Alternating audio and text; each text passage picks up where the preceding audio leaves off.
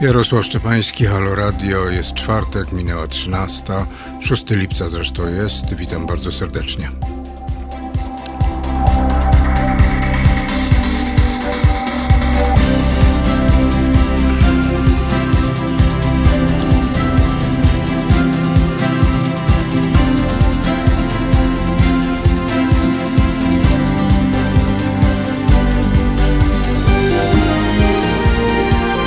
Halo Radio.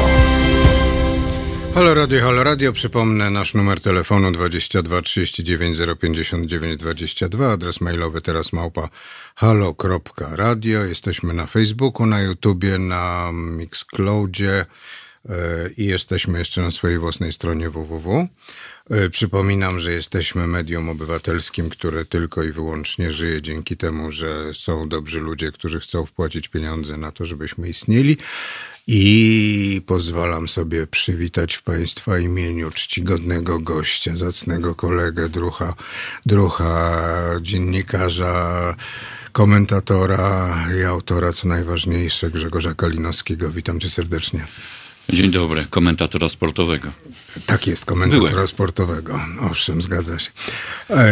Poświęcimy, poświęcimy dzisiejszą rozmowę e, kilku, kilku sprawom. Pierwsza, najważniejsza jest to, dlaczego ty masz taką e, sympatię do Marszałkowskiej 2.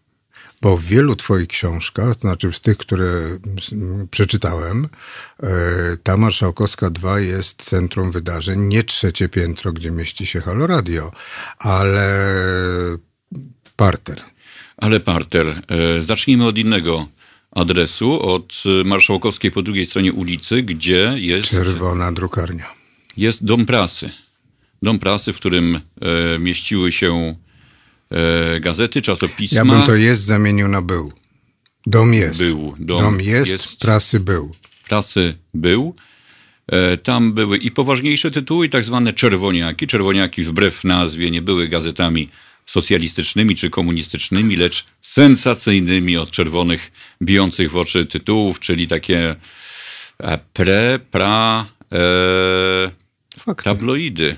Tylko tych zdjęć, ze zdjęciami było mizernie, więc trzeba było na, na, na, nadrabiać wielkimi tytułami. I pod dwójką był bar, w którym dziennikarze tych Czyli po drugiej stronie Marszałkowskiej tak. dla nieznających Warszawy i nieznających realiów okresu międzywojennego, z których to realiów pozostały adresy Marszałkowska 35, e, bo tam dzisiaj jest Urząd do Spraw e, Cudzoziemców. Tak jest, tam język ukraiński jest językiem prawie że obowiązującym na tych, na, w, tej, w tej części e, chodnika. Jest też e, przefantastyczna, piękna, patrzę teraz na nią, kamienica nazywana Żelazkiem pod numerem pierwszym. Cudownie odrestaurowana. Czy, ona jest tak, na Poglądam, rogu... nie mogę się nadziwić, bo to była taka rudera była. Przez, przez lata. Chociaż nie wiem, jak jest w środku. W środku byłem parę lat temu to to jeszcze nie wyglądało zbyt dobrze, ale kto wie, może to w końcu stanęło na nogi. No i był ten bar podwójką, który był takim legendarnym miejscem, do którego schodzili się i dziennikarze, i, i, i literaci, a że dziennikarze pojawiają się w moich książkach sensacyjnych o dwudziestoleciu międzywojennym, no, no trudno, żebym i ja tam nie zaglądał. No właśnie, no w związku z tym spotkaliśmy się dzisiaj. Aha, bo w barze podwójką, znaczy pod dwójką nie ma baru pod dwójką, jest co innego. Więc... Co może być? Ja już nawet nie pamiętam, ale może jest. być Biedronka, Żabka albo bank. Yy, trzy razy nietrafione. Nietrafione. Nietrafione. Zostawmy to w spokoju. Spotkaliśmy się z innego, właściwie z innego powodu. Spotkaliśmy się z powodu Granatowego 44, czyli twojej nowej książki, też oczywiście warszawskiej, yy, też yy, łączącej się ze wszystkim, to znaczy głównie z 44, głównie z sierpniem, czyli z powstaniem warszawskim ale i są wycieczki e, w lata okupacji.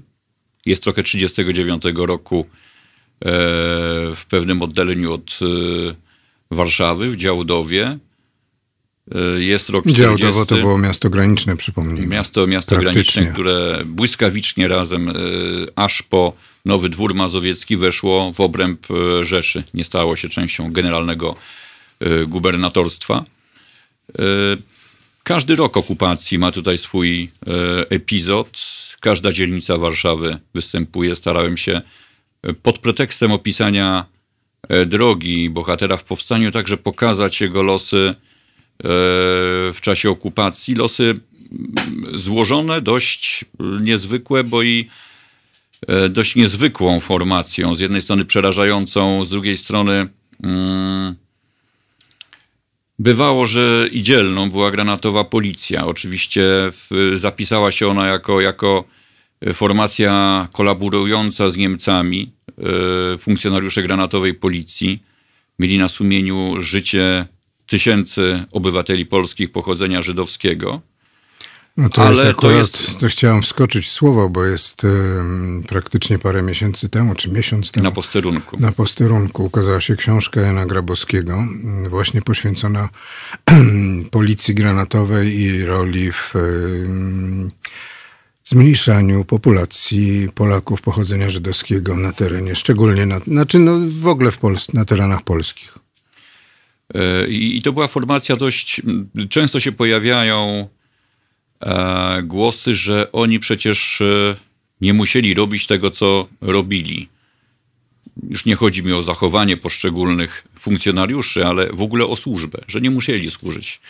Otóż musieli służyć. To, to, to była tragedia, to było to nieszczęście, że mm, ci ludzie byli do tego... przejęci jako formacja, przejęci przez okupanta. Przez okupanta. Okupant y, wydał im nakaz powrotu do służby E, policjant, który, który do służby nie wracał, był traktowany jak dezerter, jak dezerterów traktowała trzecia Rzesza, e, doskonale wiemy. E, z drugiej zaś strony mm, było pismo, była odezwa rządu polskiego na uchodźstwie, która mówiła: Panowie policjanci, wracajcie do służby, bo nie mamy lepszych od was, bo Niemcy mogą was wymienić na gorszych wracajcie i, i, i róbcie to jak najlepiej, z pożytkiem dla obywateli, z pożytkiem dla Rzeczpospolitej. Więc e, oni byli w, w takich kleszczach. Z jednej strony e, prośba, nakaz rządu, z drugiej strony groźba okupanta.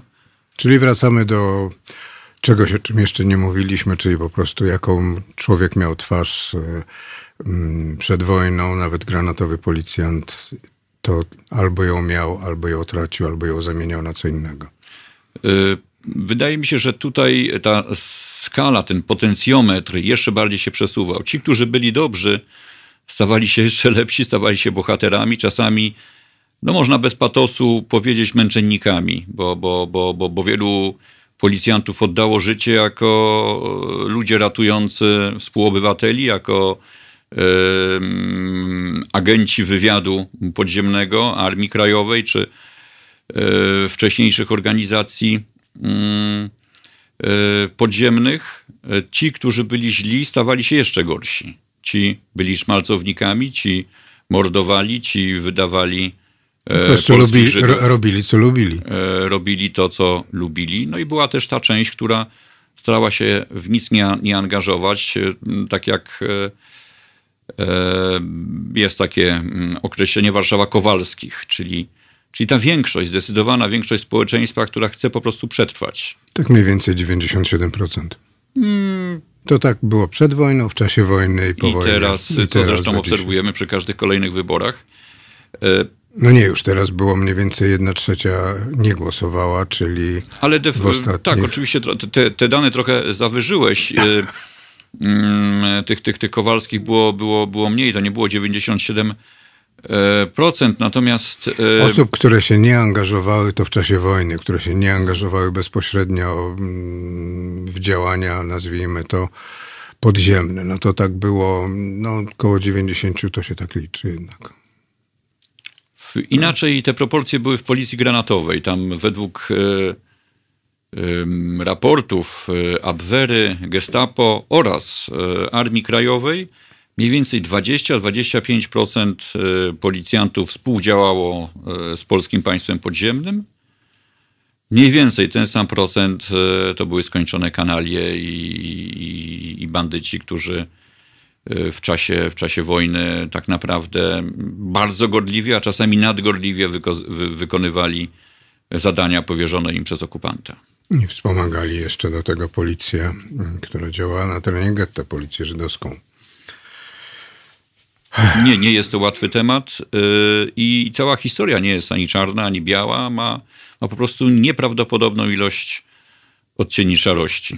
Przypomnijmy jeszcze, że yy, bo jesteśmy cały czas przy książce Granatowe 44, czyli mówimy o sierpniu 44 roku. Tak, bo to nie jest książka o policji, to jest Właśnie. książka o To jest książka o policjancie. O policjancie. Hasło Granatowy 44 yy, to, to, to jest tak, ta taka obiegowa nazwa yy, Granatowicz, czyli cała formacja, wszyscy ci, którzy służyli E, w policji. Gdyby się przyjrzeć mojemu bohaterowi, czyli porucznikowi, bo taka była wtedy nomenklatura wojenna Rybskiemu, to Wincenty Rybski e, nie służy w granatowym mundurze. On jest z formacji, która się nazywa Polnisze Kripo. Czyli, czyli tajna. Mhm. Po prostu wszystkie urzędy śledcze, które e, policja kryminalna przedwojenna Polska była potem zatrudniona przez Niemców i to też właśnie w taki sam sposób jak wcześniej, czyli były oddzielne urzędy śledcze, które, które były podłączone czy pod centralę policji granatowej, czy pod y, niemieckie KRIPO, czy pod poszczególne y, komisariaty granatowej policji, gdzie były ekspozytury. Y, oczywiście najgorsza była sytuacja tych funkcjonariuszy, którzy przed wojną byli w policji politycznej, czyli w tak zwanej defensywie ich po prostu kierowano do, do, do, do walki z polskim podziemiem. Dalej to była policja polityczna. Ci, którzy walczyli, tak jak mój bohater, mm, z przestępstwami kryminalnymi, ze, ze złodziejstwem, z morderstwami, e, oni mieli. On, on sam o sobie mówi, że jest szczęściarzem, że po prostu nie ma tak dramatycznych wyborów jak e, niektórzy koledzy, nie ma, nie ma tak silnego nadzoru jak na przykład ludzie z Urzędu Śledczego, którzy e, byli w brygadach poszukiwawczych, którzy po prostu byli wysyłani do, do, do, do ścigania konkretnych osób, osób. którzy jest... przed wojną e, nie byliby uznani za przestępców. Bo byli polityczni. Bo byli znaczy przed wojną jakby byli politycznymi, to by byli politycznymi, siedzieliby w, brze- w Berezie Bo Kartuskiej. przed wojną nie istniało pojęcie pracy dla podziemnego państwa polskiego. To prawda, to prawda. E, ci policjanci, o których mówisz, o których piszesz, e, to i tak mieli trochę więcej szczęścia niż ci, którzy po 17 września trafili na, zostali na wschodzie, na ziemiach polskich przejętych przez zajętych. Oni przez... nie mieli rozterek, oni nie mieli wyboru, oni po prostu skończyli swoje życie. W Katyniu, w Ostaszkowie, w o ile, o ile, o ile dotrwali do tego momentu. Hmm. Mordowano ich od, od samego początku i, i to był niezwykle smutny, tragiczny e, los policjantów, e, którzy albo służyli na kresach, albo na kresy się ewakuowali, bo nie, nie, nie, nie tylko byli to policjanci, którzy tam właśnie e, służyli na, na, na komisariatach czy w urzędach śledczych, ale e, wszyscy policjanci e, byli wycofywani wraz z ludnością cywilną i wojskiem. Do, do, do wyjątków należała Warszawa, gdzie komisarz y, Policji Stołecznej zarządził, że, że policjanci pozostaną w mieście no i będą zajmowali się utrzymaniem e, po, porządku w, w oblężonej Warszawie. Także ta, ta formacja miała właśnie szczęście, że mm, przeżyła, przeżyła, e, przeżyła mm, agresję niemiecką, przeżyła też 17 e, września. I, Czyli agresję sowiecką. Sowiecką, tak. Mhm. Przypomnę, że słuchacie Państwo Halo Radio, że Państwa gościem jest Grzegorz Kalinowski, że rozmawiamy o Powstaniu Warszawskim, o Policji Granatowej e, i przypomnę, że jesteśmy medium obywatelskim e, i przypomnę, a nie, nie przypomnę, dopiero powiem I still haven't found what I'm looking for you to. Słuchajcie powtórki programu. Halo Radio.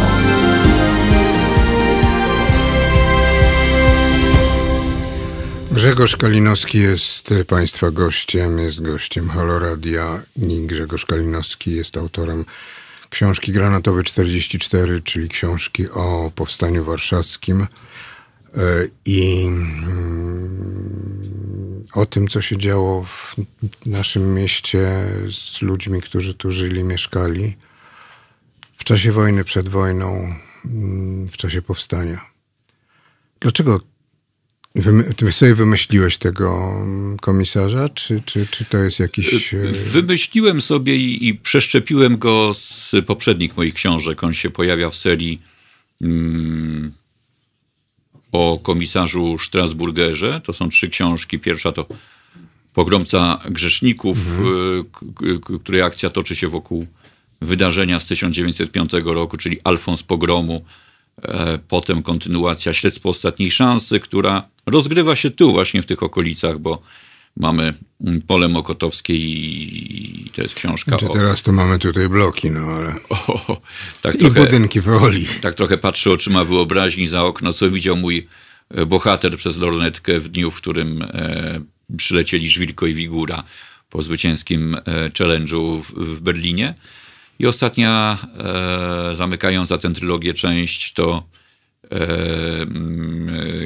książka Śmierć z ogłoszenia, w której trochę rozprawiam się z przedwojenną kinematografią. W każdej z tych części jest bohater drugoplanowy, młody e, policjant pochodzący ze Starówki, chłopak, który miał być kieszonkowcem, ale nie został kieszonkowcem, bo się z kimś pokłócił i po złości po wojsku poszedł do, e, do policji, żeby jakoś tam się odegrać, czy rozpocząć trochę inne życie niż jego koledzy. Znajdujemy go w roku 1939 już jako człowieka po szkołach, który zrobił maturę, zrobił kurs oficerski i wyjechał do Działdowa w 1938 roku, aby objąć tam stanowisko w miejscowym urzędzie śledczym, bowiem na rok przed wojną Działdowo zostało e, ogłoszone nowym powiatem, powiatem, który istniał e, tylko rok, bo po roku został włączony e, do Rzeszy po przegranej wojnie 1939 roku.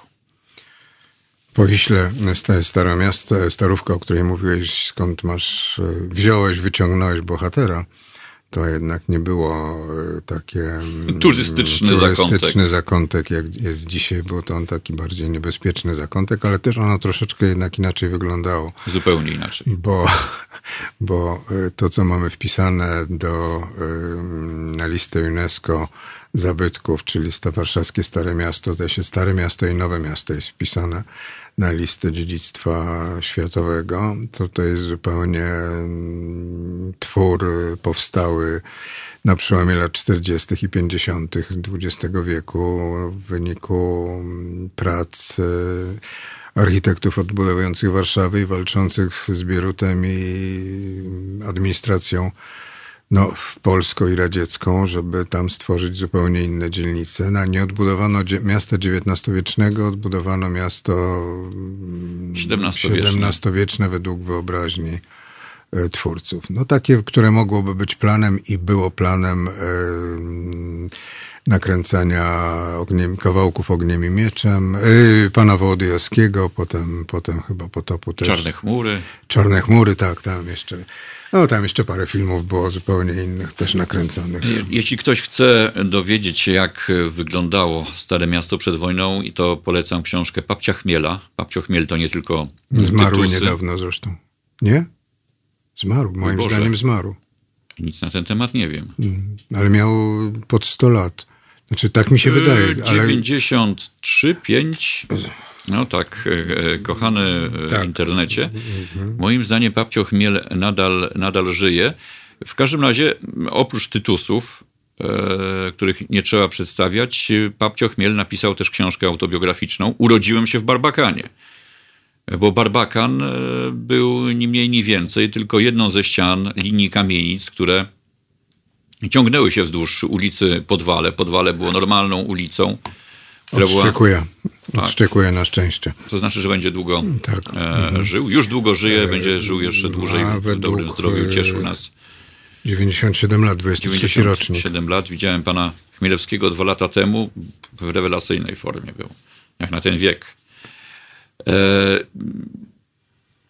więc e, był tylko mały kawałek barbakanu odsłonięty, reszta po prostu stanowiła konstrukcję e, mieszkalną. Kamie, mieszkalną. Mhm. Kamienic tam były do, dobudowane domy do tego wszystkiego. Stalówka była wyższa.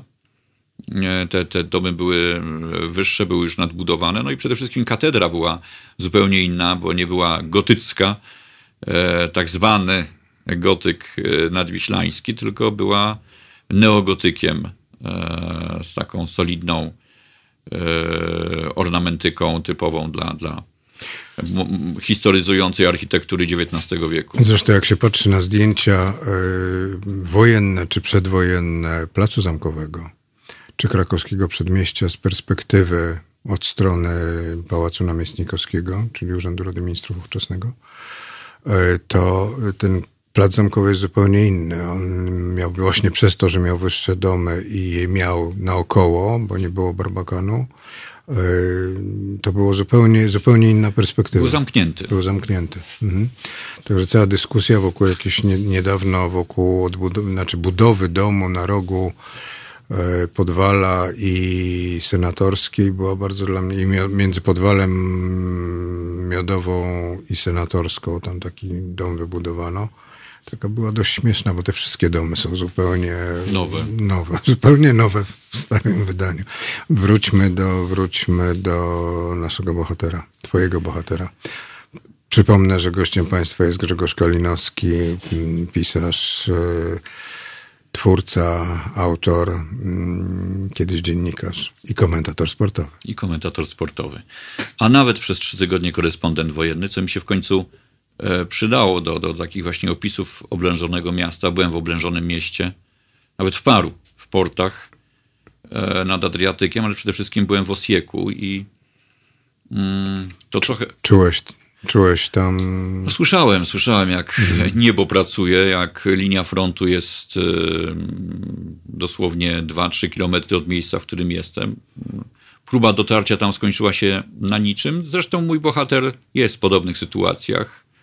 Mm, to nie jest tak, że jak miasto jest oblężone, czy, czy e, jak, jak jest, jest e, sytuacja w tej linia frontu przebiega przez przedmieścia, mm, że każdy może tam dotrzeć, zajrzeć E, zobaczyć. Jest w książce taki fragment, którym Rybski, mając silne dokumenty, idzie w kierunku mm, linii frontu przy powstańczego przy Arsenale, no i zatrzymuje go żandarmeria, tak jak żandarmeria zatrzymywała każdą niepowołaną osobę, która zbliżała się do, do miejsca, w której e, mogły być tylko oddziały powstańcze. Chociażby z tego powodu, że podejrzewano, porządek. właśnie, że podejrzewano, czy obawiano się tego, że to są ludzie naprowadzający niemiecką tak. artylerię na no, celne strzelanie, które się mm, niestety działo i ono było. Powstanie warszawskie jest, znaczy ja się wychowałem w kulcie Powstania Warszawskiego, mm, bo mm, duża, kilka osób z mojej najbliższej rodziny w powstaniu brało udział y, i to na Starówce, potem w Śródmieściu.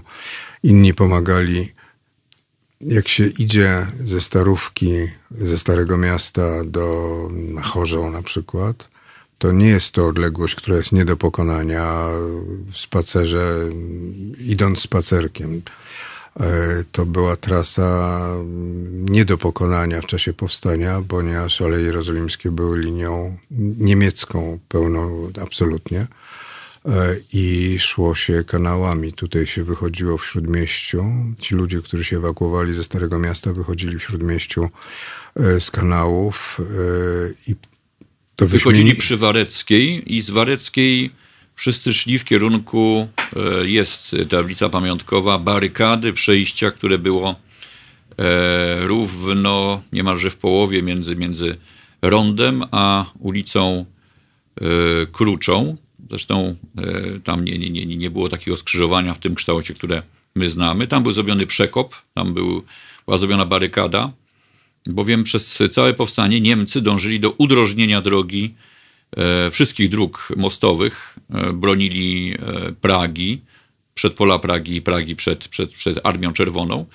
No i po prostu chcieli utrzymać trasy komunikacyjne. Mieli mm, pierwszą wiązkę mostów, czyli mosty kolei obwodowej most gdański.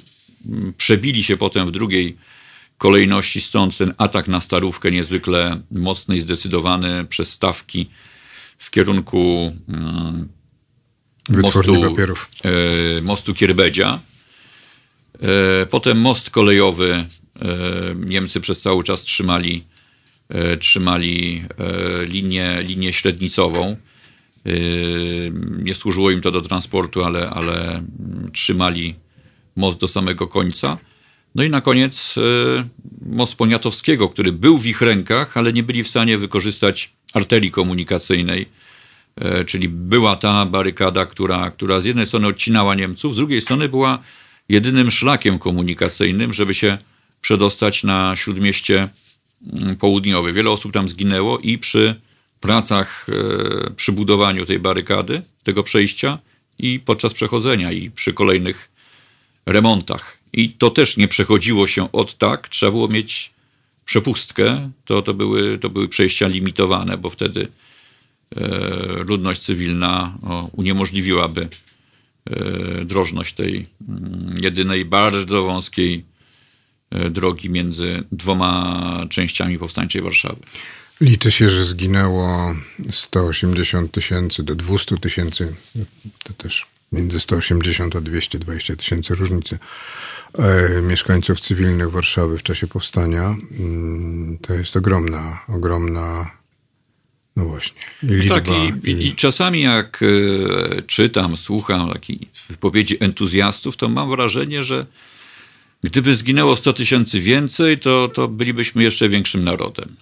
No bo byśmy byli bardziej wykrwawieni. Bardziej e, wykrwawieni. M można by zrobić wtedy lepszą rekonstrukcję, jeszcze bardziej jakąś rekonstrukcję Powstania Warszawskiego. Kolejną. Teraz Teraz będzie rekonstrukcja za tydzień. Bitwy Warszawskiej. Bitwy Warszawskiej na stadionie dziesięciolecia. A, przepraszam, na Stadionie Nie, Narodowym. Na Stadionie Narodowym, ale, ale, ale, ale w ten sposób Stadion e, Narodowy wpisuje się jakby w funkcję Stadionu Dziesięciolecia. Tam były dożynki, różnego rodzaju komunistyczne festyny. Teraz mamy festyny. No, był też festyn w 76 roku w czerwcu po wypadkach e, w Radomiu i w Ursusie. Był festyn, na którym zgromadzono no, wielu warszawiaków. To się nazywa Droga Młodzieży Masówka. Tak. Masówki po zakładach pracy, uczelniach, a także mega masówka postaci zgonienia ludzi na stadion e, dziesięciolecia. Po to, żeby pokrzyczeć, że jestem młodzież z partią, partia z narodem. Młodzież, partia, partia Gierek też było takie bardzo ładne. No, chciałem tego Gierka uniknąć, żeby to tak było bardziej porównywa porównywalne. Aha, żeby nie było product placement przed wejściem filmu na ekran. Dokładnie. A jestem ciekaw tego filmu, bo co nieco z tamtych lat pamiętam, chętnie obejrzę. Ja pamiętam. E, Chodzenie do szkoły podstawowej w tamtych czasach, drodzy Państwo, mówię do młodszej publiczności, było związane z takim a, z coraz mocniej budującym się z roku na rok kultem pierwszego sekretarza Edwarda Gierka, chociaż trzeba tutaj obiektywnie przyznać, Edward Gierek ściągnął swoich poprzedników ze ścian w szkołach. Ci, którzy załapali się jeszcze, dzień dobry panie Jarosławie, na e, szkołę gomułkowską, na nich spoglądał e, Gomułka. Gomułka. Nie tylko, bo jeszcze Cyrankiewicz. A Zawadzki? Yy, Zawadzkiego nie było, nie, ale powiem Państwu, że, yy, tu, że to bardzo pomaga ta ikonografia fotograficzna na ścianach e, klas szkolnych. A można określić, czy to było przed, czy, czy to po? było przed 56 rokiem, czy po 56, czy 7, właściwie 7, bo e, akurat grzebie teraz w archiwum w starych zdjęciach i, i to po prostu, jak jest Bierut, to wiadomo, że sprzed 56, potem... No, słoneczko też wisiało, tak. Słoneczko to wisiało wcześniej, tak. To słoneczko dla mm, niewtajemniczonych przypomnę, że słońcem był niejaki Stalin. Niejaki Stalin. Tak, dziękuję tu bardzo za uwagi, że Papcio Chmiel żyje, myśmy to powiedzieli. E, żyje tu napisane, że świętował 97 urodziny. Nim to przeczytałem, to zdążyłem sprawdzić. E, tak, słuchamy. Dzień dobry panowie. E, dzień dobry. Wątły. O! Słucham was. O! Dzień dobry Jarku, witam serdecznie pana. E, słucham Was z nieukrywaną uwagą i e, serce rośnie, kiedy tak otwarcie. E, w polskich warunkach ja chyba nie boję się użyć tego stwierdzenia z podniesioną przyłbicą. Mówicie o naszej narodowej tragedii, jaką była śmierć 200 milionów 200 tysięcy. kobiet. Tysięcy. Przepraszam, 200 tysięcy kobiet, dzieci, mężczyzn i osób starszych. I chyba to jest dobry moment, bo ja sobie to pytanie sam zadawałem wiele razy, ale nie jestem w stanie sobie odpowiedzieć. Wy jako mm, osoby bardziej doświadczone ode mnie, mądrzejsze, mówię to z całą odpowiedzialnością, powiedzcie mi z waszego punktu widzenia, czemu tak nieprawdopodobnie trudno mówić w kontekście powstania o zwykłych ludziach. Czemu obchody po, powstania przybrały taki e, popowy na przestrzeni ostatnich lat nastrój? Przywołuję na przykład e, salę Małego Powstańca w Muzeum Powstania Warszawskiego, gdzie mamy piękny, kolorowy kanalik, którym dzieci mogą się przejść. Brakuje tylko e, chyba kolorowych, plastikowych, e, rozkawałkowanych zwłok i tak dalej. E, to wszystko przybiera taki jakiś paranoiczny obraz, e, który jest pozbawiony elementarnego szacunku i pamięci dla zwykłych ludzi.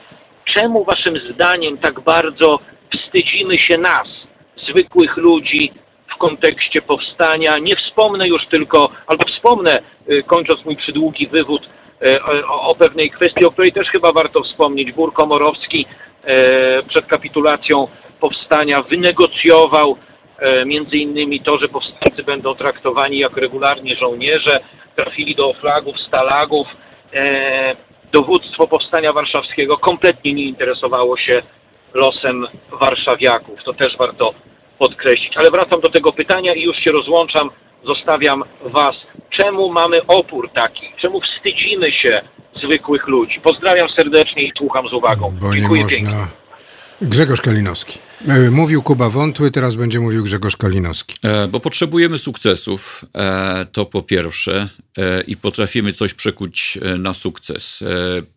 Nasze zainteresowanie historią nie jest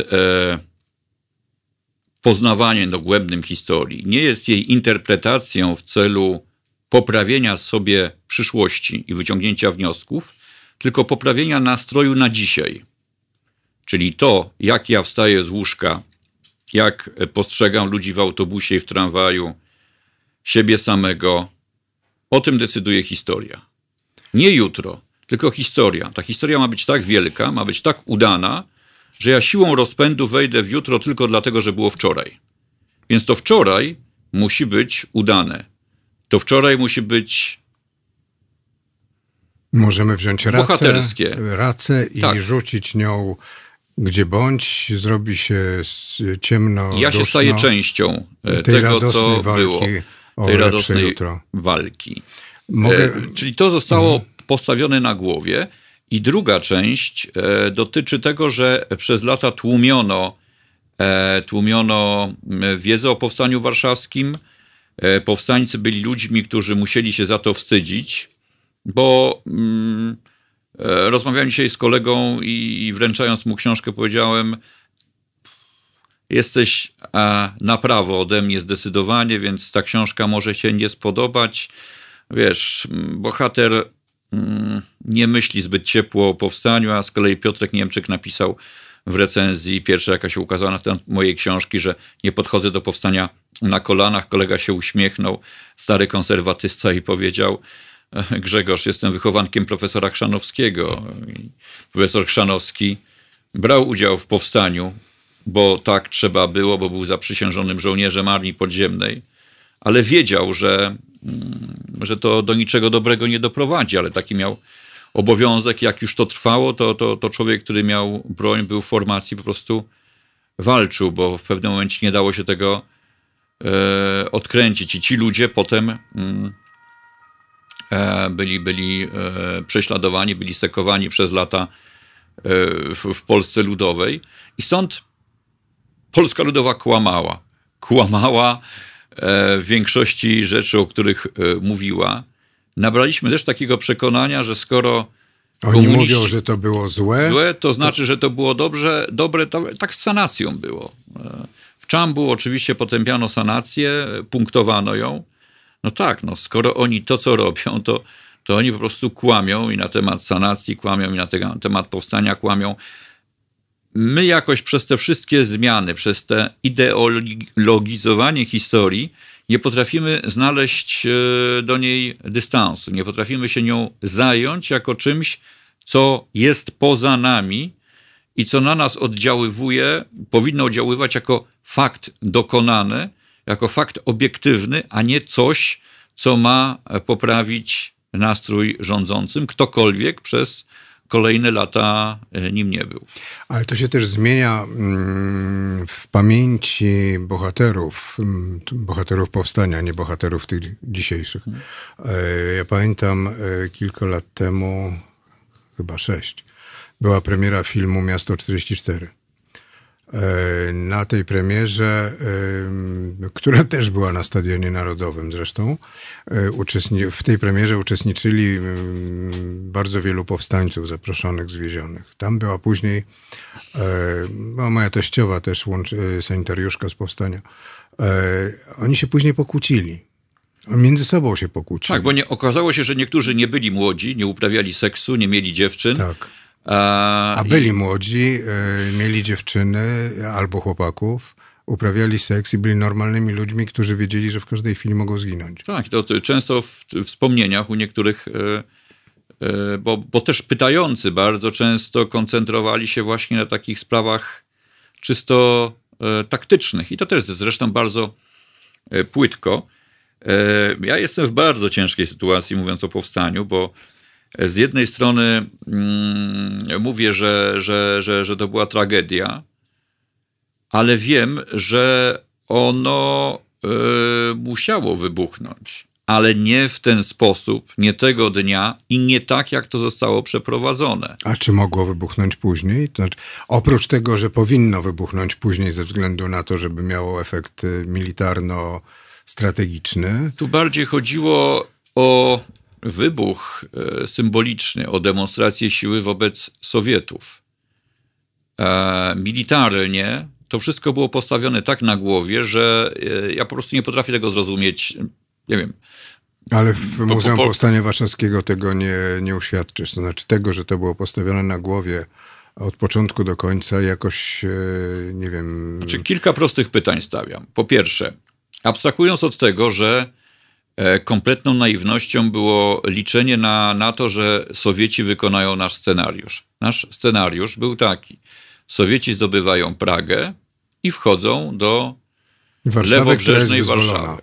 Prze, tak. Przez nas. Tak. Co było bzdurą, bo Sowieci po pierwsze... Chwapili się do tego. I, a po drugie ich nie było. Tak, i zostali, e, została strona powstańcza, e, Armia Krajowa, delegaci rządu, ci wszyscy ludzie, którzy, którzy tak zakładali, zostali też wypuszczeni przez Sowietów, którzy cały czas prowokowali, nadając e, z kościuszkowskiej radiostacji informacje. Pszczółka chyba jej było. Nie pamiętam, jak się ta radiostacja nazywała, ale i zrzucano ulotki i, i, i bardzo dużo mówiono przez radio. To akurat było dość symboliczne, no bo e, przecież kto miał radio wtedy? No prawie nikt. Ale nawoływano do walki. Jeden z twoich bohaterów miał nawoływano do walki, e, podkręcano e, atmosferę. Im na tym e, zależało, daliśmy się wypuścić. To, to, to, to, to niewątpliwe. Jeszcze uwierzyliśmy, że to było dla nas dobre. Ale okej, okay, dobra. Może my tych Sowietów oceniamy źle i oni naprawdę chcieli Warszawę wyzwolić i wkroczyć. Tak? Dobra, niech tak będzie. Niech tak będzie. A kto tak powiedział?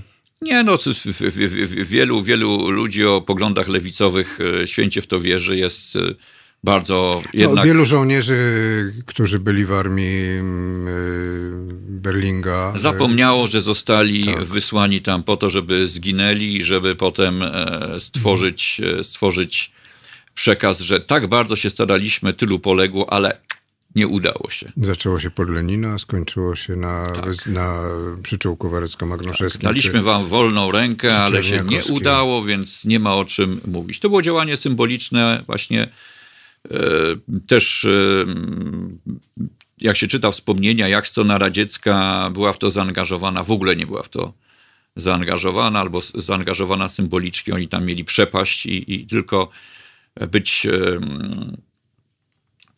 takim alibi, że bardzo chcieliśmy pomóc, no ale co? No nie wyszło, no trudno.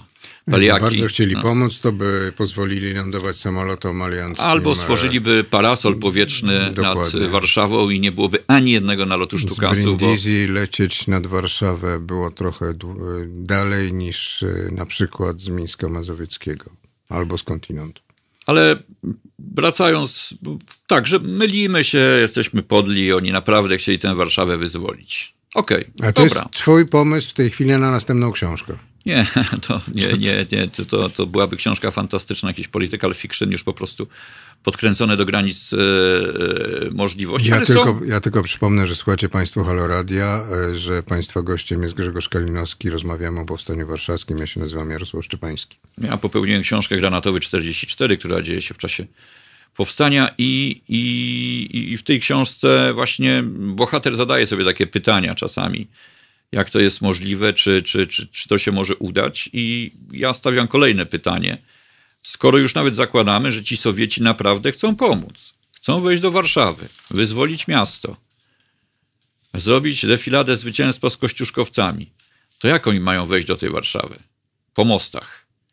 To była strategiczna część tej całej rozgrywki. Jeżeli popatrzymy, jakie oddziały zostały zaangażowane do zdobywania mostów, jak to były przepraszam pana Jakuba, wątłe siły, e, to, e, to było po prostu niemożliwe.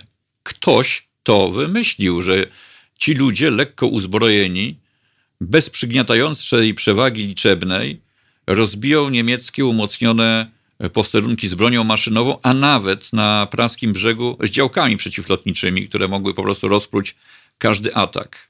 Bo zdawało się, że mm, na w tydzień przed e, końcem lipca e, szły bardzo duże oddziały niemieckie, rozbite, zdemoralizowane, wycofujące się ze wschodu. E, może szefostwu powsta- przyszłym, przyszłemu szefostwu powstania E, się zdawało, że armia niemiecka już upadła, mm -hmm, tylko że tyle, że pod koniec lipca, w ostatnich dniach lipca jechały zupełnie inne dywizje i właśnie w, w kierunku stronę. wschodnim i były to dywizje, no, Hermann Göring e, czy, czy inne pancerne dywizje, które były silne, zdyscyplinowane i robiące porządek, co później było widać w Warszawie. E, e, nie pamiętam stopnia.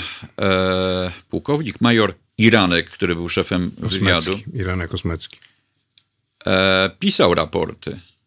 E, były raporty. Wywiad sobie zdawał sprawę z tego, co się dzieje, ale to było troszeczkę jak e, z Ameryką lat 10 lat temu i kreatywną księgowością.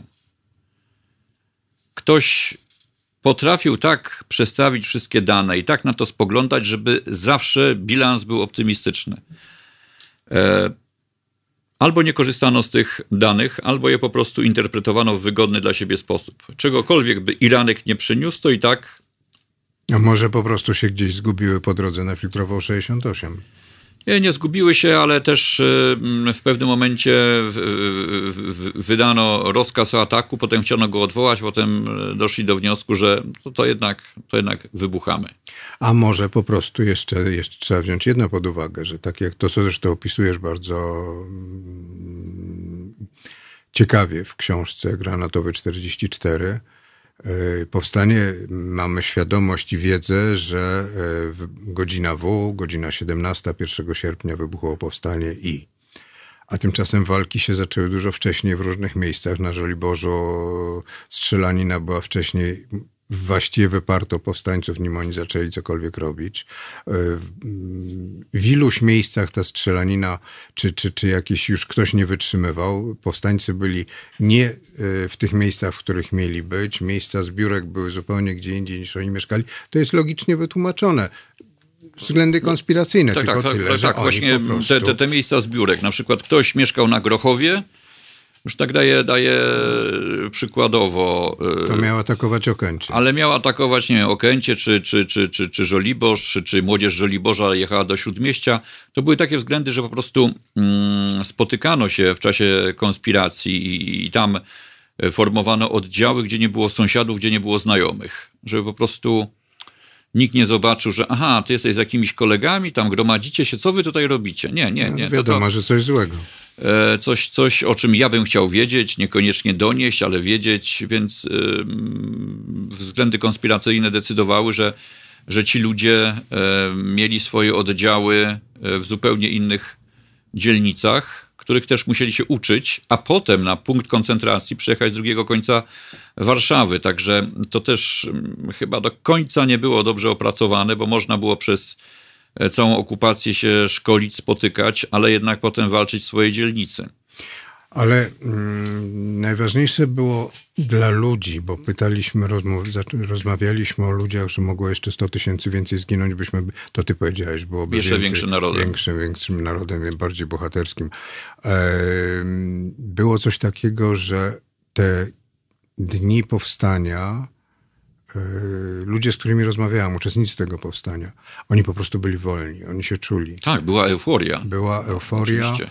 E, ja pozwolę sobie taki Sam cytat. byś się cieszył, ja bym się cieszył, e, jeśli byśmy przeżyli godzinę koncentracji, tak, bo no z tym tak. było bardzo, mhm. bardzo bardzo różnie. Nie do wszystkich dotarł rozkaz, nie wszystkie Gdzieś magazyny. byli, nie, te magazyny zostały. Może jeszcze jedną rzecz wyjaśnię. Bardzo mhm. często jest taki argument, że nie było innego wyjścia, bo młodzież by chwyciła za broń, by zaatakowała. To bardzo często używany jest argument. Tak, więc to mówią ludzie, którzy nie wiedzą, że tej broni nie było. Że. Znaczy, nie, była w magazynach. Była w magazynach, że były normalnie magazyny. Ktoś wydawał rozkaz o e, otwarciu magazynu i, i, przyniesieniu broni na punkty koncentracji, czy, czy to nie jest tak, że wszyscy mieli jak Szwajcarzy broń w domach i e, zakładali opaskę i wychodzili z domu. To, to, tak to jak wyglądało... dzisiejsi rekonstruktorzy. Tak. No, oni wszyscy mają broń, broń, broń opaski powstańcze, które się wkładają 1 sierpnia i idą, jadą tramwajem na rondo Dmowskiego, żeby to, co mówił nasz starszy kolega Antoni Macierewicz. Bo my historię studiowaliśmy i pan Antoni Macierewicz też, też i stąd sformułowanie starszy kolega. Wyżej, niestety, na szczęście wyżej, e, że jemu się coś pomyliło, bo mówił, że Dmowski i Piłsudski byli dumni z powstania warszawskiego. Tak. Dmowski umarł w styczniu 39, Piłsudski w maju 35. No ale, no cóż, Macierewicz jest. Pętli taki, czasu. Pętli czasu. Najgorsze wtedy było chodzenie po ulicach. Gdy wychodziliśmy na ulicę w czasie pierwszych dni walki, ludzie wiwiatowali na naszą cześć, dawali nam jedzenie. Po paru tygodniach, kiedy przychodziliśmy piwnicami, czuło się zimne, wrogie spojrzenia tych ludzi, którzy do nas mieli pretensje za zniszczone domy, za śmierć bliskich chcieli na nas wyładowywać swoją wściekłość. To cytat z mojej ciotki, która była e, łączniczką. Przechodziła ze Starego Miasta. Ta, ja nawiązałem do Miasta 44, do filmu. Ta, no ale teraz jest tak, jeżeli to jest twoja ciotka, to niekoniecznie nie musi być... Mm, znaczy nie żyje. Tak, tak, ale, ale, ale na wieki pozostanie twoją ciotką i mhm. spisała to na papierze, to, to jest tylko twoja ciotka. Mm, no jeszcze A nie ciotka kogoś, kto ma rację. A, no tak. Bo jeżeli to byłaby ciotka kogoś, kto ma rację, no to wtedy byśmy na tę ciotkę jej wspomnienia spoglądali inaczej, a zawsze się dobiera e, ciotkę kogoś, e, kto ma rację i ten, kto ma rację, wybiera takie wspomnienia ciotki, że okazuje się, że twoja ciotka e, mówiła coś niepochlebnego, nie, nie, niepochlebnego nie, patrzącego do narracji do, do, do, do narracji. Zawsze ciotkę można wymienić. Hmm. Tak, można. A zwłaszcza wymienić e, jej e, bratanka, bo są ważniejsi i, mniej ważni bratankowie. No ale rozmawiamy w Halo Radio i nasza, e, nasza wersja jest naszą wersją i ona jest bardziej nasza niż, niż ich. Jest to po prostu wersja obiektywna, jedna z wielu wersji. To jest właśnie to, że dobiera się, gromadzi się jakby w bloki e, pewne wspomnienia z kluczem. A, a trzeba przeczesać wszystko. No, na, na stronie mm, Muzeum Powstania Warszawskiego jest mnóstwo wspomnień, jest mnóstwo pozycji. Polecam też książkę e, Mrówka na szachownicy, e, gdzie są niesamowite opisy powstańczych walk, właśnie te, tego całego mm, tej bezsilności pierwszych dni i tragedii dni ostatnich, że ci ludzie uczyli się walczyć i w wielu wspomnieniach e, pada hasło: Po dwóch tygodniach byliśmy żołnierzami, widzieliśmy, jak to się robi. Gdybyśmy to umieli pierwszego dnia, no ale to już było za późno. A potem zabrakło amunicji, a potem przewaga wroga była mm, już gigantyczna, od początku była wielka. No poza tym cały czas krowy latały. Mm, nie te z mleka łaciatego, tylko. Albo szafę przesuwano, to w zależności tak. od tego, w której dzielnicy ten Jak to określano? rakietowy mm, Pocisk. nalot e, następował. Pierwsze leciały pociski burzące, drugie zapalające. Dobra. One wydawały z siebie przeraźliwe dźwięki, dlatego stąd takie ryczące stąd nazwano je krowami. To było, one zdaje się z y, bocznicy w Pruszkowie hmm. były wystrzeliwane z moździerza kolejowego niemieckiego. Nie, nie, nie. Moździerz kolejowy to było coś innego. To, to było ciężkie działo kolejowe, hmm. a to były dość lekkie konstrukcje. To były takie, jak, jak, jakbyś rozebrał Katiuszę radziecką na, e, na części. Tamte organy Stalina faktycznie wyglądały jak organy i to było ileś tam luf ustawionych koło siebie, to było, to było e, e, mniejsze, to jakby były organki stawiane mm, gdzie bądź. To, to, to, to, to był dość Tylko te sprzęt. radzieckie organy Stalina, czyli Katiusze, to one dawały to, że wszystkie te pociski leciały w każdy w swoją stronę, tam gdzie miał ochotę. E, te były precyzyjniejsze i, i przy, przy takich zestawach mobilnych, jakbyśmy to dzisiaj powiedzieli, a kiedyś samobieżnych, jeszcze całkiem niedawno, Wystarczył wóz pancerny, żeby, e, żeby umieścić tę konstrukcję. Powstańcy wozów pancernych mieli chyba w sumie dwa. Może był Kubuś, trzy. był szary e, wilk, mam nadzieję, że nie przekręcam. Było, było, było działo zdobyczne w, w, w okolicach Placu Napoleona, z którego, które w końcu wmontowano e, w barykadę powstańczą. No i był pamiętny Goliat. Czołg e, napełniony na podwalu, napełniony. I był jeszcze, był, był jeszcze, był jeszcze czołg, którym zdobywano gęsiówkę. No tak. Mhm. Więc to, to, to, to była cała no tak. broń pan, pancerna, był Kubuś. E, a... Mm, Trochę mi się przypomniał, przepraszam bardzo. To nie był Goliat. To co, wybuchło... to, to, co wybuchło, to był czołg napełniony po prostu materiałami, materiałami wybuchowymi odpalonymi w momencie, kiedy się tam zgromadziło kilkaset osób radośnie świętujących zdobycie czołgu. Mm, było to trochę inaczej. Eee, nie spoilerujmy, jak to było.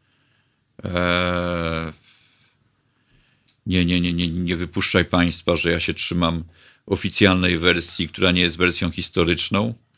Zapraszam do, do, do lektury granatowego 44. To też jest właśnie jeden z powodów, dla których mój bohater musiał opuścić starówkę. No właśnie, moja ciotka jest lepsza niż twoja. No tak, mhm. ktoś skomentował. No tak, no tyle gadałem, a po prostu mogłem to jednym kazikowym zdaniem załatwić. Mhm. No czasami dobre cytaty są tym tak. warte. Dużego. Jakże uniwersalne, można po prostu tylko e, poszczególne elementy zmieniać. Grzegorz Kalinowski, e, autor książki Granatowy 44. Nie jest to twój debiut, mm, chciałem powiedzieć fabularny, debiut książkowy. Jest to twoja kolejna książka. Większość z tych książek jest poświęconych e, Warszawie, życiu kryminalnemu, dziennikarskiemu, półświadkowi, świadkowi e, i, i bardzo fajnie się zwiedza Warszawę czytając twoje książki. Znaczy ostrożnie, bo jak się czyta książkę i się idzie, to można wpaść na latarnię, ale jak się czyta, idzie się po przeczytaniu szla, szlakami, nie wiem, czy będziesz prowadził takie wycieczki. Mm, nie, są tego specjaliści, fachowcy. Zdarzało mi się e, na jakichś e, imprezach charytatywnych, wylicytowano mnie jako e, przewodnika i to jest bardzo miłe, ale, ale są naprawdę fachowcy, którzy, którzy to robią w sposób doskonały.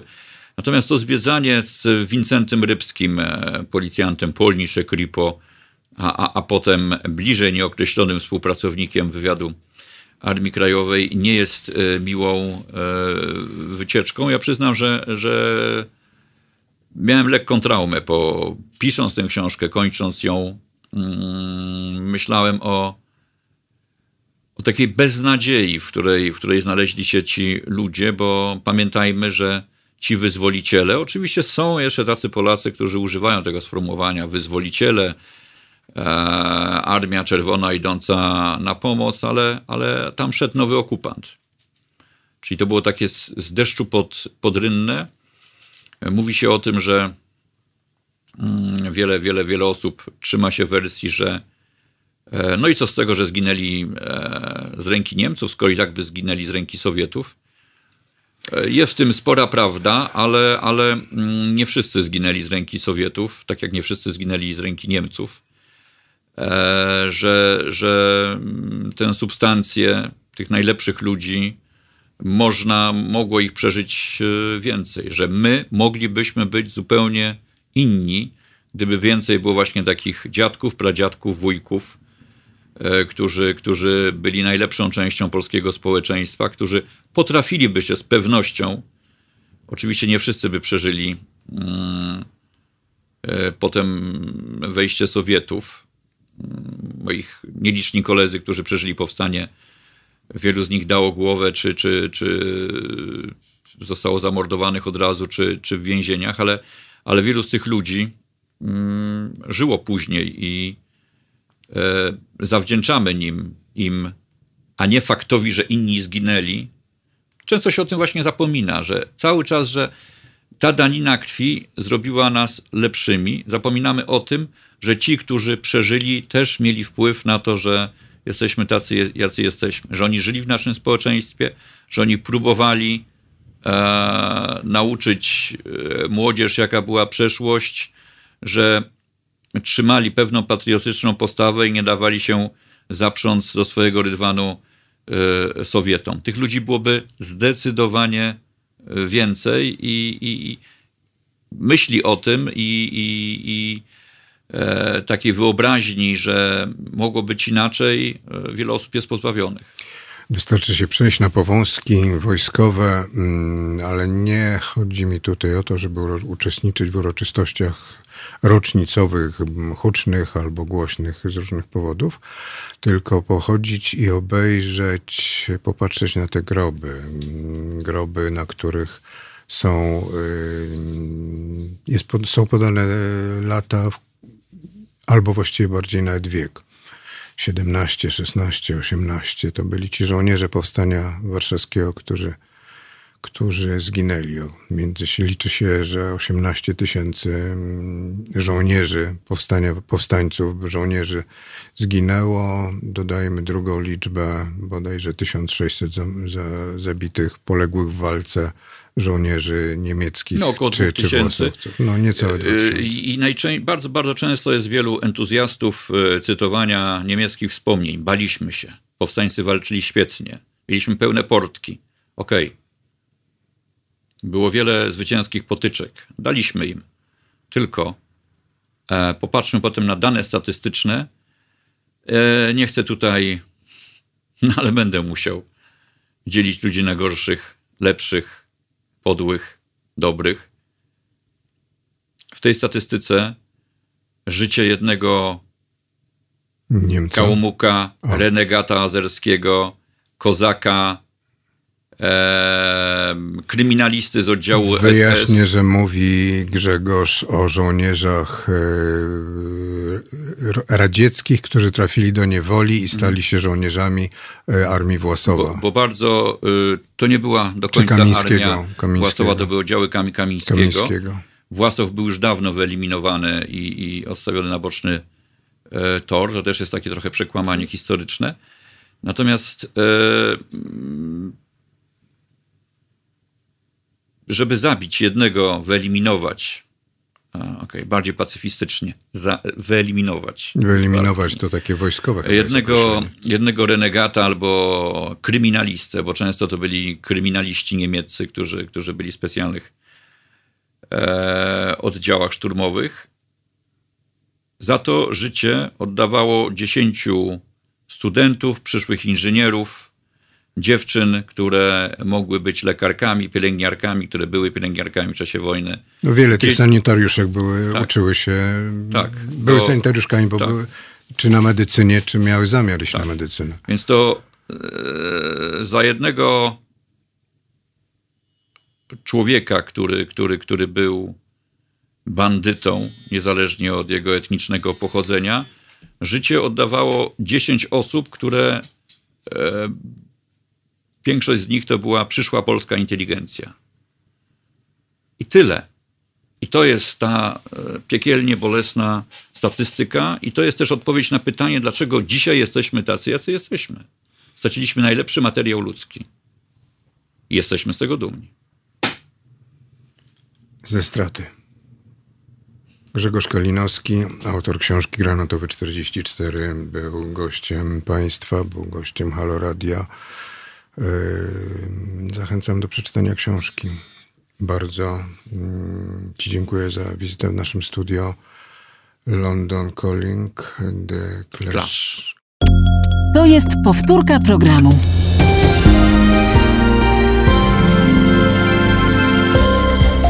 Halo Radio. Pierwsze medium obywatelskie.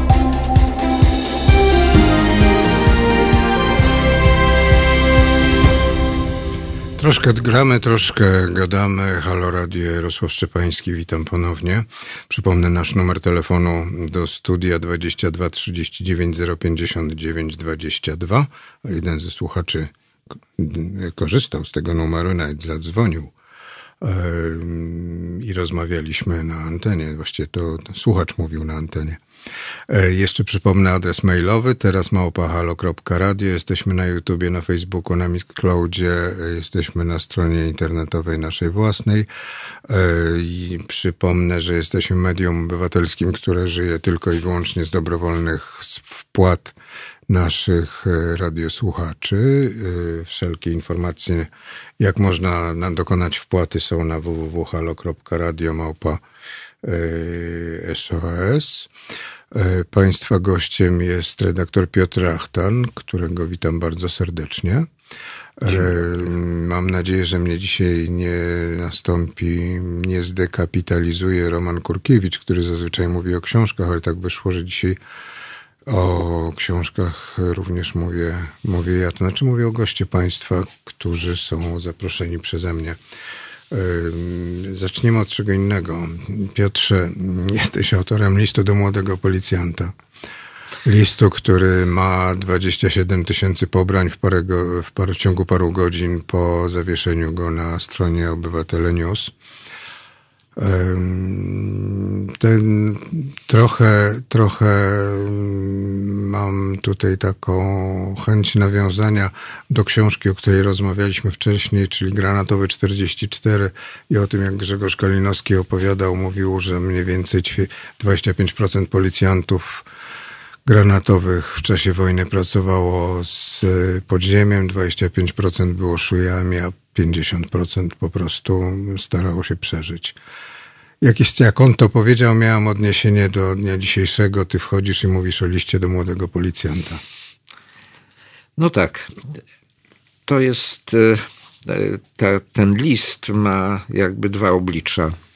Jedno współczesne, które,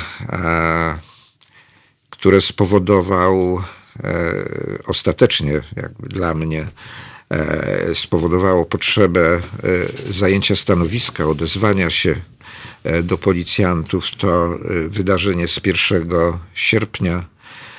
To jest nawiązanie znowuż do poprzedniej rozmowy tak. o powstaniu warszawskim, kiedy siedzący, siedzący na schodkach pod pomnikiem powstania warszawskiego obywatele pokojowo siedzący, jeśli w ogóle można użyć takiego paradoksalnego sformułowania.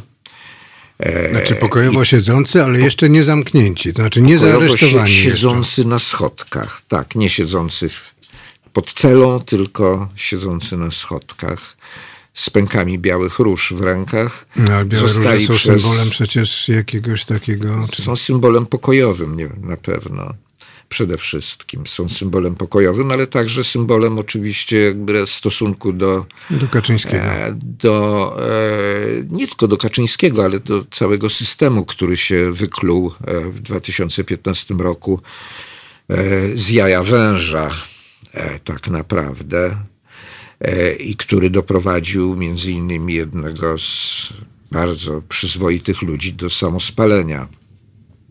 I właściwie te Piotra. białe róże, tak, Piotr, Piotr Szczęsny. Mhm. I te białe róże są trochę jego, tak, jego upamiętniają, jego pokojowy i rozpaczliwy protest. Otóż, otóż, kiedy policjanci wynosili tych ludzi z pomnika Powstania Warszawskiego, a przed pomnikiem stała, nie, nie chcę mówić, nie, stał tłum wrogi wobec tych ludzi, wrzaskiem, e, wrzaskiem właściwie pełnym nienawiści e, swoją postawę manifestujący. I ci policjanci wynosili pokojowo nastawionych e, ludzi, no to wtedy sobie pomyślałem, że właściwie mam chęć do tych policjantów się zwrócić, do tych i do innych. Znów nawiążę, to jest drugie oblicze tej sprawy do, do rozmowy i książki pana Kalinowskiego. E, otóż uważam, że mam tytuł do tego, żeby odezwać się do policjantów i zwrócić się do nich. E, to jest tytuł rodzinny, to jest. E, to jest nie, nie tylko.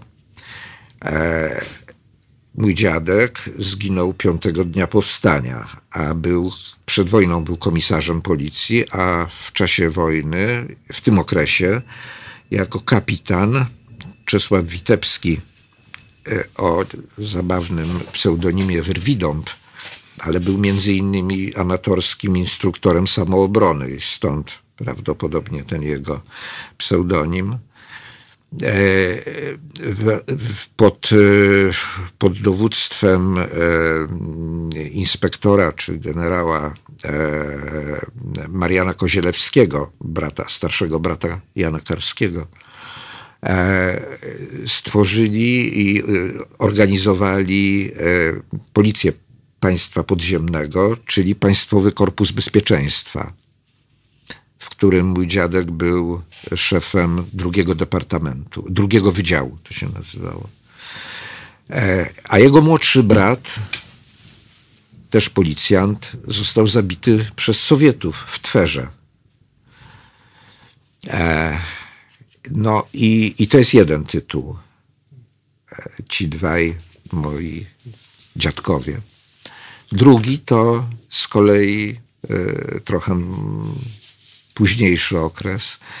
E, mianowicie e, mój ojciec oraz stryj oraz wuj powołali w 1991 roku e, takie, e, taką kapitułę e, odznaczenia policyjnego, honorowego odznaczenia policyjnego, Laustibi, e, która jest co roku wręczana, odznacza się e, tą odznaką e, dwoje, dwóch, dwoje policjantów za wybitne osiągnięcia, nie lubię tego mówić, ale za czyny wybitne, wykraczające poza, e, poza obowiązki. E, obowiązki służbowe. Uratowanie komuś życia po godzinach pracy, E, no zdarza się, że dostają kosę pod żebro, tak jak Tak jak, ten, tak ten jak e, aspirant strój. Tak. Który dostał też to odznaczenie. Też został odznaczony, ale nie tylko on, pośmiertnie. Pośmiertnie także dwa lata temu, dwa? Dwa, tak. Odznaczono francuskiego pułkownika żandarmerii, który e, w magazynie e, opanowanym przez terrorystów, w którym wzięli oni zakładników, poszedł, oddał się im za zakładników i zginął. No i e, pułkownik Arno został odznaczony pośmiertnie tym e, odznaczeniem. Ja tylko się wytłumaczę, bo ja powiedziałem, użyłem e, słowa, określenia halny, e, a halny to jest twój ojciec. Znaczy, tak, halny to był mój ojciec, tak. To, było jego, to był pseudonim z partyzantki ze zgrupowań świętokrzyskich imienia, znaczy później imienia, wtedy dowodzonych przez, maj, przez majora Ponurego, przedwojennego aspiranta policji. Stąd było nawiązanie po odzyskaniu w 90 roku e, niepodległości, mhm. E, czy powrotowi do, e, do demokracji, e, pomysł utworzenia właśnie tego, powołania tego, tego, tego odznaczenia dla policji, imienia, imienia Ponurego, także to jest to odznaczenie. I to był drugi tytuł, dla którego napisałem ów list. A to jest list, w którym zastanawiam się, dlaczego policjanci e, tracą prestiż, autorytet z takim trudem odbudowany właśnie po 1989 roku, kiedy udało się wreszcie policji oderwać, odkleić od tego, czym była milicja obywatelska, i Służba Bezpieczeństwa. Tak, ale. Głównie Milicja to, to Obywatelska. Jest, wiesz, tak. Mówimy mhm. o policji, milicji. E, pamiętaj, że milicjanci, a szczególnie oficerowie milicji, już pod koniec lat 80., e, mówili o sobie: Jestem policjantem. Starali się wtedy jakoś od tego właśnie odkleić. E, trzeba było zmiany systemu zniszczenia czy, czy upadku całkowitego komunizmu, żeby można było od nowa ustawami o policji tę policję stworzyć od nowa. No, większość oczywiście milicjantów przeszła do tej służby nowej, e, ale myślę, że y, nie nieśli za sobą e, całego tego bagażu milicyjnego i e, PRL-owskiego. Ale dzisiejsza policja, e, ta, którą widzimy na ulicach, to jest młodzież. Dużo, najczęściej są bardzo młodzi ludzie, koło, nie wiem, 20, 20 paru lat. Czyli to są ludzie wzięci po prostu w ciągu ostatnich pięciu lat do szkół, służby i zupełnie czego innego nauczeni. Dla nich e, widocznie to nie jest e, służba państwu, tylko służba partii. No tak to jest, rzeczywiście. Tak że przypomnę, że przypomnę e, określenie ZAMO bijące serce partii. ZAMO, czyli zmotoryzowane tak. odwody milicji obywatelskiej. Tak, tak. Państwa gościem jest Piotr Rachtan, e, dziennikarz, e, autor listu do młodego policjanta Dream on Eurosmith. Słuchajcie powtórki programu. Halo Radio. Halo Radio, Halo Radio, Jarosław Szczepański, witam Państwa bardzo serdecznie ponownie. E, przypomnę nasz numer telefonu do studia 22 39 059 22.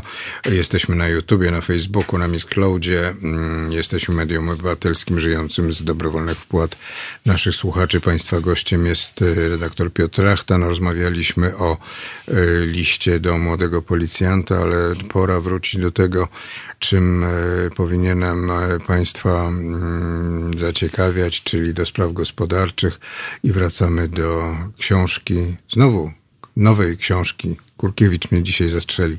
E, na zapleczu PRL-u Erozja Piotr Rachtan. E, książka, która jest, e, na którą patrzę z wielkim sentymentem mm, i z zaciekawieniem, ponieważ znam te artykuły, znam te teksty.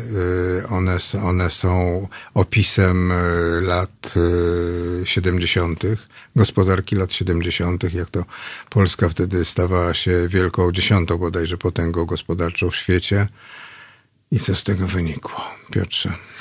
No cóż, no, wynikła wielka klapa widowiskowa, powiedziałbym, która zakończyła się e, upadkiem e, najpierw e,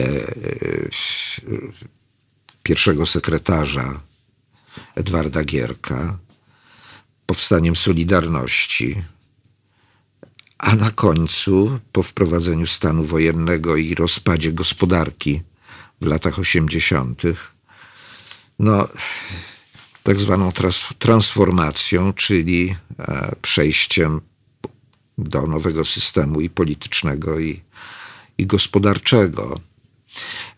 Ja w tej książce pokazuje oczywiście różne anomalie e, gospodarki e, w bardzo różnym przekroju, w bardzo różnych miejscach, e, poczynając od sklepu z nasionami, kończąc na rozmowach o konieczności zreformowania tej gospodarki. Ale książka jest e, zbiorem e, bardzo konkretnych e, tekstów, czy tekstów opisujących bardzo konkretne wydarzenia i zjawiska, które trawiły wówczas i gospodarkę, i, i społeczeństwo. I, I jakkolwiek koncentruje się wokół właśnie ekonomii, E, to e, przebija z niej e, ten społeczny i właściwie nawet także polityczny aspekt i rozkładu powolnego, powolnego gnicia państwa. Polska gospodarka zorganizowana była na zasadzie dość dzisiaj niepojętej zupełnie, mianowicie ona była centralnie sterowana. E, I... No, chyba pojętej, pojętej chyba, co po e. niektórzy próbują pojąć i próbują sterować centralnie z, e, No również. tak, to, to jest rzeczywiście, dziedziczy się pewne przyzwyczajenia i pewną wiedzę i, i także i także skłonności. No my tę wiedzę dziedziczymy, a niektórzy ją przetwarzają na przykład w połączeniu Orlenu z Lotosem. No tak. E, żadna z tych firm akurat w moich reportażach nie występuje. Bo się wtedy nazywała CPN, czyli Centrala Produktów Naftowych. Tak, a, a Lotosu jeszcze nie było, czyli rafinerii gdańskiej. On, ona dopiero powstawała w, właściwie w zamiarach w połowie lat 70. E, no w każdym razie e, polska gospodarka, jak zresztą chyba e, w większości krajów, może z wyjątkiem Węgier, socjalistycznych była sterowana centralnie, była Komisja Planowania Gospodarczego, która na podstawie swojej wiedzy E, tę wiedzę czerpała z dołu od przedsiębiorstw, e, e, państwowych przedsiębiorstw, które oczywiście, który dyrektor... które oczywiście, oczywiście dostarczały fałszywych informacji. No właśnie, bo który dyrektor tak? chciałby przekazać Więc informację, że kiedy jest zbierano te sfałszowane informacje w, centra w centrali, w tej Komisji Planowania Gospodarczego, z tych fałszywych informacji budowano plan gospodarczy, który kazano realizować przedsiębiorstwom. A więc wszystko oparte było na fałszu i kłamstwie. Wszyscy się okłamywali. Przy czym e, Państwowa Komisja Planowania Gospodarczego, właściwie Komisja Planowania Gospodarczego, PKPG, PKPG było wcześniejszą nieco mhm. instytucją. Otóż Komisja Planowania Gospodarczego Y, budując swój plan, miała pełną świadomość tego, że opiera się na informacjach fałszywych. W związku z tym również z góry jakby obcinała e, oczekiwania przedsiębiorstw. I wychodził z tego po prostu kociokwik. E, starali się menedżerowie, dyrektorzy, e, ich zastępcy, kadry e, zmieścić w tym dziwacznym systemie i często musieli używać zupełnie nielegalnych środków. I zdarzało się, że byli wsadzani do kryminału. E, nie za to, że wzięli łapówkę, ale za to, że na przykład dawali łapówki urzędnikom Komisji Planowania Gospodarczego. Po to, żeby można było. Po, po to, żeby oni mieli, oni używali takiego terminu, to był przypadek fabryki amortyzatorów w Krośnie, której historię tam opisałem, e, żeby urzędnicy e, z centrali mieli dobre oko dla fabryki I e, w tym przypadku e, miała, miały to zapewnić wożone w teczce e, amortyzatory do samochodów, którymi jeździli ci, no ci dyrektorzy. Mhm. Gospodarka, gospodarka socjalistyczna była gospodarką niedoboru. Wszystkiego brakowało. Wiadomo, że nie można zaplanować w stu procentach wszystkiego, w tych wszystkich guzików, w odpowiednich kolorach i wymiarach, wszystkich butów na obcasie lub bez e, i tak dalej. E, więc po prostu nieustannie gospodarka dziurawa mm, wywoływała, znaczy te dziury wywoływały kryzysy lokalne albo większe. I te kryzysy kończyły się często kryzysami politycznymi. Te artykuły, które wydrukowałeś w książce na zapleczu PRL Erozja, one się ukazywały głównie w kulisach. Tak. Kulisy to był do, tygod... E, najpierw dodatek cotygodniowy do Ekspresu Wieczornego, a później właściwie było to samodzielne pismo, samodzielna redakcja na przeciwko e, redakcji krajowej Ekspresu Wieczornego. Tak, Dobrześmy, tak jest, tak jest. Sąsiadowaliśmy przez korytarz. Dokładnie. E, e... Wiele tych tekstów pije do tego, że one się ukazywały jednak mimo cenzury, mimo e, cenzury partyjnej i mimo tego, że te gazety były wydawane przez RSW Prasa Książka Ruch, czyli koncern, największą spółdzielnię w krajach e, demoludach, bo spółdzielnię, której 90, bodajże 7% e, własności miało, miał Komitet Centralny PZPR. To takie nawiązanie do tego, co o czym marzy marzenie E, bohaterów e, o dwóch takich, co ukradli księżyc. Znaczy jednego z bohaterów. No tak. E, kulisy to było rzeczywiście szczególne pismo. Ono było traktowane chyba przez władze polityczne z przymrużeniem oka. No tam takie Michałki, prawda, pisują. Urban pisał swoje kibice więc y, dla władzy to było pismo niepoważne, a myśmy publikowali w nim zupełnie poważne teksty. Tam, się, tam powstał y, y, bardzo interesujący zespół reporterów, młodych wtedy reporterów, właściwie z jednego, z jednego pokolenia e, i to z pokolenia e, marcowego, marca 68 no i mieliśmy bardzo interesujące kierownictwo. Samym ekspresem wieczornym e, zawiadywał wtedy Michał e, Wojewódzki. Michał Wojewódzki, e, oficer Armii Krajowej i pracownik Biura Informacji i Propagandy Armii Krajowej, Armii Krajowej. Komendy Głównej Armii Krajowej, bezpartyjny do końca. E, natomiast y, samymi kulisami kierowała Hanna Bratkowska, która przyszła z, po zakazie, po pewnym czasie zakazu publikacji, e, z po prostu prawie wprost przeleciała z po prostu. Tygodnika do, do otwartego w 50, e, zamkniętego w 57 roku. 57 roku, tak, e, zostało zamknięte. E, I ona przeniosła do kulis tę wrażliwość społeczną, jaką charakteryzowało się po prostu. Polityczną też, to znaczy polityczną pewną niezależność.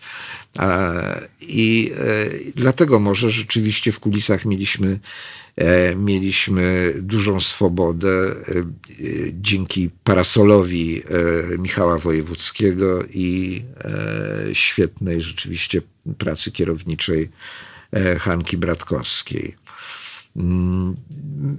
Dawało nam to, da, dawało nam to spore możliwości. Naturalnie musieliśmy jakieś serwituty wy, e, e, płacić i takim, takim serwitutem jest jeden z tekstów, który tam opublikowałem. Mianowicie w 76 roku po, e, po wydarzeniach czerwcowych wszystkie gazety publikowały teksty potępiające, potępiające tych e, warchołów. Przypomnę, że w polityce na ostatniej stronie ukazał się ogromny reportaż podpisany pseudonimem Jerzy Łoś, nie powiem w tej chwili, kto jest, zresztą człowiek już, redaktor nie żyje, bardzo dobry dziennikarz i później mm, e, współpracownik pism opozycyjnych, ale był to okropny tekst, reportaż pod tytułem kradły i płakały o tych robotnicach, które w Radomiu rozbijały sklepy, tak każdym razie z tego wynikało i jednocześnie płakały. Otóż myśmy w y, kulisach mogli tego uniknąć, bo e, Bratkowska wynegocjowała, że opublikujemy podręcznik ekonomiczny E, socjalizmu. Ja napisałem, jako jedyny, jedyny ekonomista w zespole, napisałem taki podręcznik, który trochę śmieszny był oczywiście, bo, bo trudno z powagą było to traktować, ale opisywał, co to jest cena, jak należy rozumieć e, wartość dodatkową, no i tak dalej. W ogóle niewyobrażalna rzecz. Tak, e, oczywiście. A, myślę, że e, najciekawszym w tym wszystkim, w tym naszym, w tym naszym piśmie, e, było to, że pozwalano nam publikować, dlatego że e, opisywaliśmy konkretne przypadki e, konkretnego złodzieja, konkretny sklep, właśnie jak powiem. Bądź sytuację. Czy, czy, czy konkretną fabrykę gdybyśmy pisali, że socjalizm jest do luftu, prawda, że e, e, centralne sterowanie gospodarką to jest w ogóle idiotyzm, to takie teksty skazane byłyby na zagładę, oczywiście cenzuralną. E, natomiast historia jakiejś kierowniczki sklepu, historia butów, które trzeba wymienić, czy meblościanki, za którą ludzie stoją w kolejce – no to, to nie jest takie e, groźne. A to były prawdziwe wydarzenia, przecież prawdziwe zjawiska, które e, pokazywały, jak funkcjonuje ta gospodarka i jak cierpią na tym obywatele, konsumenci. Ja świadomie zapytałem Cię na sam koniec o to, natomiast tak pozwolę sobie pro domo sua. Dziennikarze Czytajcie tę książkę na zapleczu PRL-u Erozja. Wczoraj słuchałem w jednym z rad, w radiu mm, takiego reportażu, nawet bardzo ciekawego, bardzo dobrego reportażu o Wałbrzyskiem i o przekształcaniu kopalń, w tworzeniu, a dotyczyło konieczności zmian w rejonie y, Worka Turoszowskiego. Tylko, że zapomniano powiedzieć o tym, że w Wałbrzyskiem to nie upadły tylko cztery kopalnie, znaczy zostały zlikwidowane, tylko upadły zakłady porcelitowe, zakłady odzieżowe, zakłady wszelakie, które pracowały w lat, na początku lat 90. jeszcze dla wojska sowieckiego, radzieckiego. Robiły kubki dla wojska radzieckiego, kiedy ta armia radziecka już się wycofała z Polski, wyjechała, a oni dalej produkowali te kubki i te ubrania dla nich. E, I no, jakiś czas później te, te firmy firmy wszystkie upadły i to był główny po powód e, tego, co się stało Wałbrzyskiem, czyli że cały region e, no, rzeczywiście, rzeczywiście cierpiał.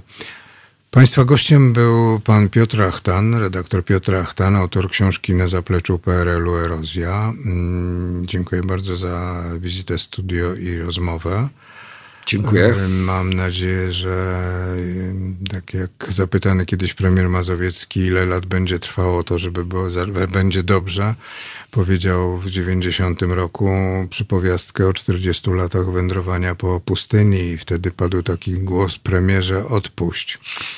I myślał, czy odpuścić 10 lat, ale w końcu powiedział, no ja nie dożyję, ale może wy dożyjecie. Zobaczymy, czy się pomyliłem z tymi 40 laty. Do tych 40 lat zostało 9. Jarosław Szczepański, dziękuję bardzo. Reoplan Red Hot Chili Papers. Dziękuję. Halo Radio. Po co nam Halo Radio? Gdyby przez ostatnich 30 lat większość mediów nie układała się z politykami, to nie bylibyśmy potrzebni. Już dawno temu media zapomniały, że powinny być dla ludzi, a nie po to, żeby wspierać konkretnych polityków. W Halo Radiu wierzymy w etos pracy dziennikarza oraz w to, że media nie mogą opowiadać się za jakąkolwiek partią ani politykiem, ani schlebiać waszym prywatnym politycznym sympatiom. Jesteśmy od tego, żeby patrzeć politykom na ręce. Każde odpowiedzialne medium powinno mówić o politykach wyłącznie wtedy, gdy sprzeniewierzają się zasadom współżycia społecznego, prawom obywatelskim czy demokracji. Jeśli polityk pracuje dobrze, To nie mówimy o nim, bo przecież robi dokładnie to, czego od niego oczekujemy, za co mu płacimy. Nie mówi się wszak o wizycie w warsztacie, gdy auto jest sprawne. Nieprawdaż? Media muszą być krytyczne wobec wszystkiego i wszystkich. Taka powinna być ich rola. Drodzy Państwo, nie oczekujcie od nas, że będziemy przychylni Waszym politycznym wyborom. Będziemy natomiast mozolnie szukać dziury w całym. Po 30 latach polityczno-medialnego bagna to właśnie chcemy robić i robimy. I dlatego prosimy Was o stałe wspieranie naszej działalności www.halo.radio ukośnik SOS. Dziękujemy i życzymy dobrego odbioru Halo Radia, pierwszego medium obywatelskiego dla myślących i krytycznych Polaków.